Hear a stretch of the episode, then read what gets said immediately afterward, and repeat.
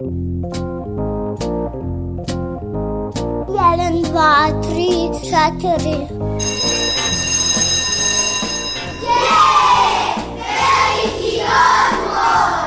Emisija o obrazovanju i vaspitanju. E, Kad neka vaspitačica kaže da je veliki odmor, onda nešto radite.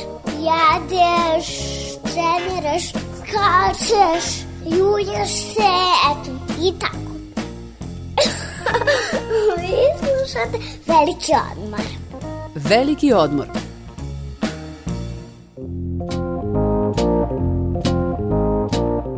Osim govora, pevanje je jedan od redkih načina da se iskažemo i pokažemo naše emocije. Odrastanje uz pesmu, primerenu detetovom uzrastu, od vajkada je bio značajan deo vaspitanja. U tome, osim porodice, veliku ulogu imaju vrtići i škole. Ja sam Biljana Kuriš, a ovog puta u velikom odmoru o ulozi pesme za socioemocionalni razvoj deteta. Da li pesma može da posluži kao didaktičko sredstvo u obrazovno-vaspitnom procesu? Najvažnije odgovore na to, ali i ostala pitanja, daje nam master teoretičar umetnosti i muzička urednica radiotelevizije Vojvodine Mirjana Rastović. Njen dugogodišnji rad i sa đacima i preškolcima pomogao joj je u kreiranju seminara namenjenog vaspitačima, a reč je o pesmi kao igrački i didaktičkom sredstvu.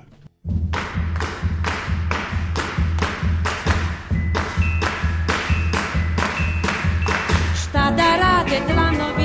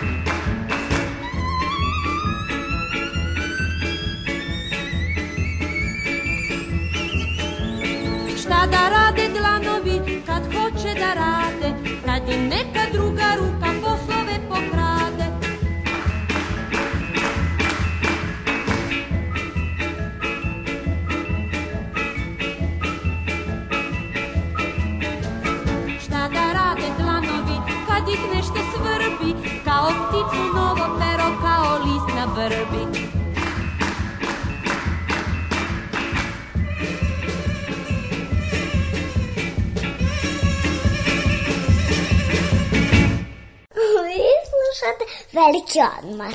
Upravo je moj pogled na, na pesmu kao didaktičko sredstvo išao iz tog ugla da, da pesmu možemo da delujemo na sve razvojne aspekte kod dece, što je praksa i pokazala.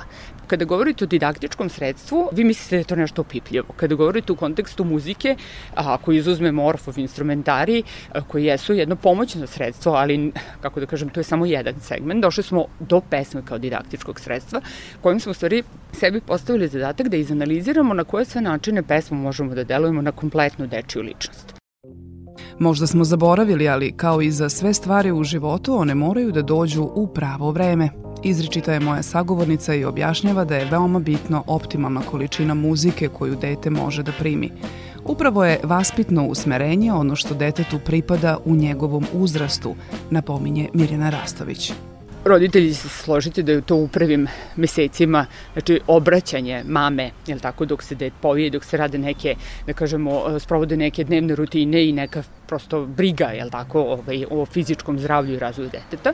Tu takođe može da se uključi muzika i to mogu da budu najjednostavnije, da kažemo, pesmičice, improvizacije mame, samo je bitna ta, da kažemo, afektivna, afektivni odnos, znači prvenstveno emocije koje mama usmerava prema detetu dok hrani, prepovija, doji i tako dalje.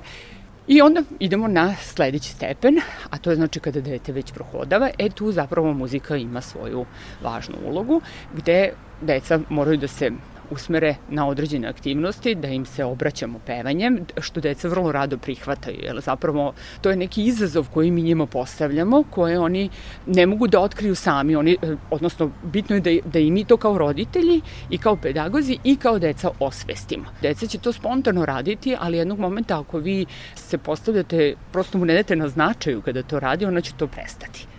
A kada reč o izboru muzike, Mirjana ne skriva da je ona stvar ukusa roditelja. Či roditelj smatra da muzikom brani neka svoja životna načela i postulate koje, koje postavi u svojoj zajednici, odnosno u porodici zajedno, je tako, supružnici ili već zavisi kako je da porodica funkcioniše. I često se dešava da zapravo muzika predstavlja zvučni ambijent tog deteta. Ali pitanje da li je to samo, kako da kažem, nešto što podiže raspoloženje i nešto što se dešava u nekom drugom planu ili ta muzika zapravo ima vaspitni uticaj. Kada govorimo o roditeljima koji forsiraju određeni muzički žanr, koji god da je u pitanju, ja sad ne bih vršila ni kategorizaciju ni kvalifikaciju, ono ne može da ima vaspitnu ulogu ako ono nije u saglasju samim uzrastom deteta. Tako da vi imate situaciju da dete, na primer, nespretno izgovara tekst neke pesme na engleskom, a da pritom ne zna e, da izgovori brojelicu od par reči u jednostavnom ritmu koje pripada njegovom uzrastu. Deca su danas izložena prenaglašenim sadržajima, te se i njima čini da je ono što pripada njihovom uzrastu veoma dosadno. Zato su u medijima najčešće muzičke emisije namenjene deci, razna reality takmičenja u pevanju koja su sve popularnija. A evo šta na tu skorošnju pojavu kaže Mirjana Rastović. Mislim da je to jedan oblik zlostavljanja dece na koje bi sad država zaista na određeni način, mada, kako da kažem, e, to je opet slobodna volja roditelja. Znači, roditelji svesno izlažu tim situacijama ovaj, svoju decu, samo je pitanje e, šta se dešava sa decom. Znači, tu sad opet možemo da i trebalo bi da stavimo u fokus dete. Često imate trogodišnju decu koja su stilizovana ili čak, mislim, do, koji god da je uzrast u pitanju, mnoge pesme iz tog nekog, da kažemo, opusa, zapravo estradnog, ajde tako da kažemo, ili je to okrenuto javnosti, okrenuto je zapravo estradi, zaradi, znači neko od toga profitira a mislim da dete svakako ne profitira. Naprotiv, izlaže se ogromnoj količini stresa, zapostavlja možda neke svoje druge obaveze gde bi postigo mnogo bolje rezultate, zarad nekih možda čak i neželjenih ambicija svojih roditelja ili želje da, da se dete usmeri isključivo u tom pravcu i da postane deo te neke, da kažem, šire slike i javnosti tu je muzika samo jedno sredstvo, da tako kažemo, potpuno neprimereno uzrastu i onome što, što zaista ovaj, pripada tom detetu. Ja sam nekada zaista fenomenološki okretala te kanale i zaticala da u nekom finalu ili polufinalu dete uživo pevu dva ujutru a na primjer sutra bi bilo logično da ga očekuje škola ili bar neke obaveze oko škole i tog, tog uzrasta, da deca plaču, da su potpuno neprimereno obučena, mislim, za svoj uzrast. To je za mene jedan ozbiljan, ozbiljan problem koji mislim da kao i sa pričom o šundu, odnosno o e, nadirućem e, novom žanru, e, novokomponovane muzike negde 70. godina, čitajući neku literaturu i neke stručne časopise iz tog vremena su već tada ljudi ukazivali na problematiku ovaj, nadiru, nadirućeg kiča i šunda i kako se protiv njega boriti, znači da je s posebnim porezima i tako dalje, da na primer neke estradni umetnici koje neću sada, mislim sad su, kako da kažem, pojam zvezde i da, e, do današnjih dana su uzdignuti do institucije koje zaista imaju pravo da pričaju i o životu i o muzici i tako dalje. Prosto su počeli da nam diktiraju neke i da predstavljaju uzore u svakom smislu tada su muzički stručnjaci govorili da oni za jednu novogodišnju noć zarade godišnju platu univerzitetskih profesora. Znači mi tada pričamo, mi sada pričamo da je to negde sredinom 70. godina.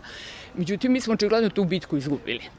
Ako to nije porodica, onda su to vaspitači i nastavnici muzičkog vaspitanja, da formiraju vrednosti koje ne bi trebalo da izgube bitku u reci šunda i kiča.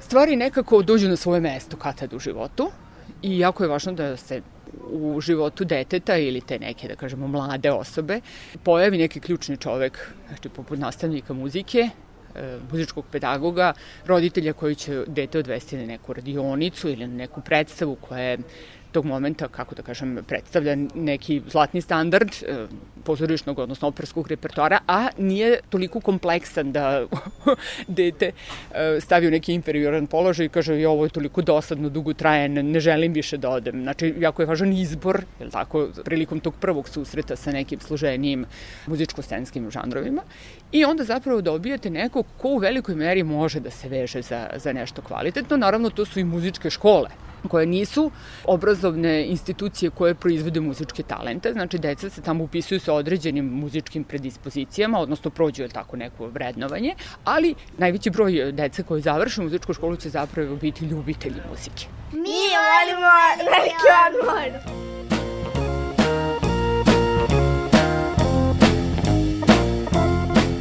Slušali ste emisiju Veliki odmor Radio Novog Sada. Sledeće subote u istom terminu slušajte emisiju Kuća domaćinska.